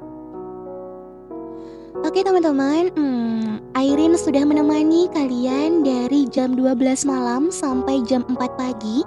Terima kasih ya untuk teman-teman yang sudah menemani siaran Airin. Besok kita ketemu lagi di jam biasanya jam 12 malam. Jadi uh, nanti kita ketemu lagi di jam 12 malam ya. Bagus kak pembawaannya seperti berada di dalam cerita. Terima kasih Kak Dimas. Selamat istirahat Kak Adit. Oke teman-teman yang belum tap love yuk tap love dulu. Yang belum tap fan tap fan dulu. Jangan lupa tap fan para MG-nya Airin juga ya Yaitu para manajer. Karena mereka yang sudah membantu siaran Airin pada malam ini. Sekali lagi Airin ucapkan terima kasih untuk kalian. Selamat beristirahat teman-teman. Jangan lupa sholat subuh terlebih dahulu ya. Bye bye semuanya. See you next live. Assalamualaikum warahmatullahi wabarakatuh. Airin ada satu lagu untuk kalian. Selamat mendengarkan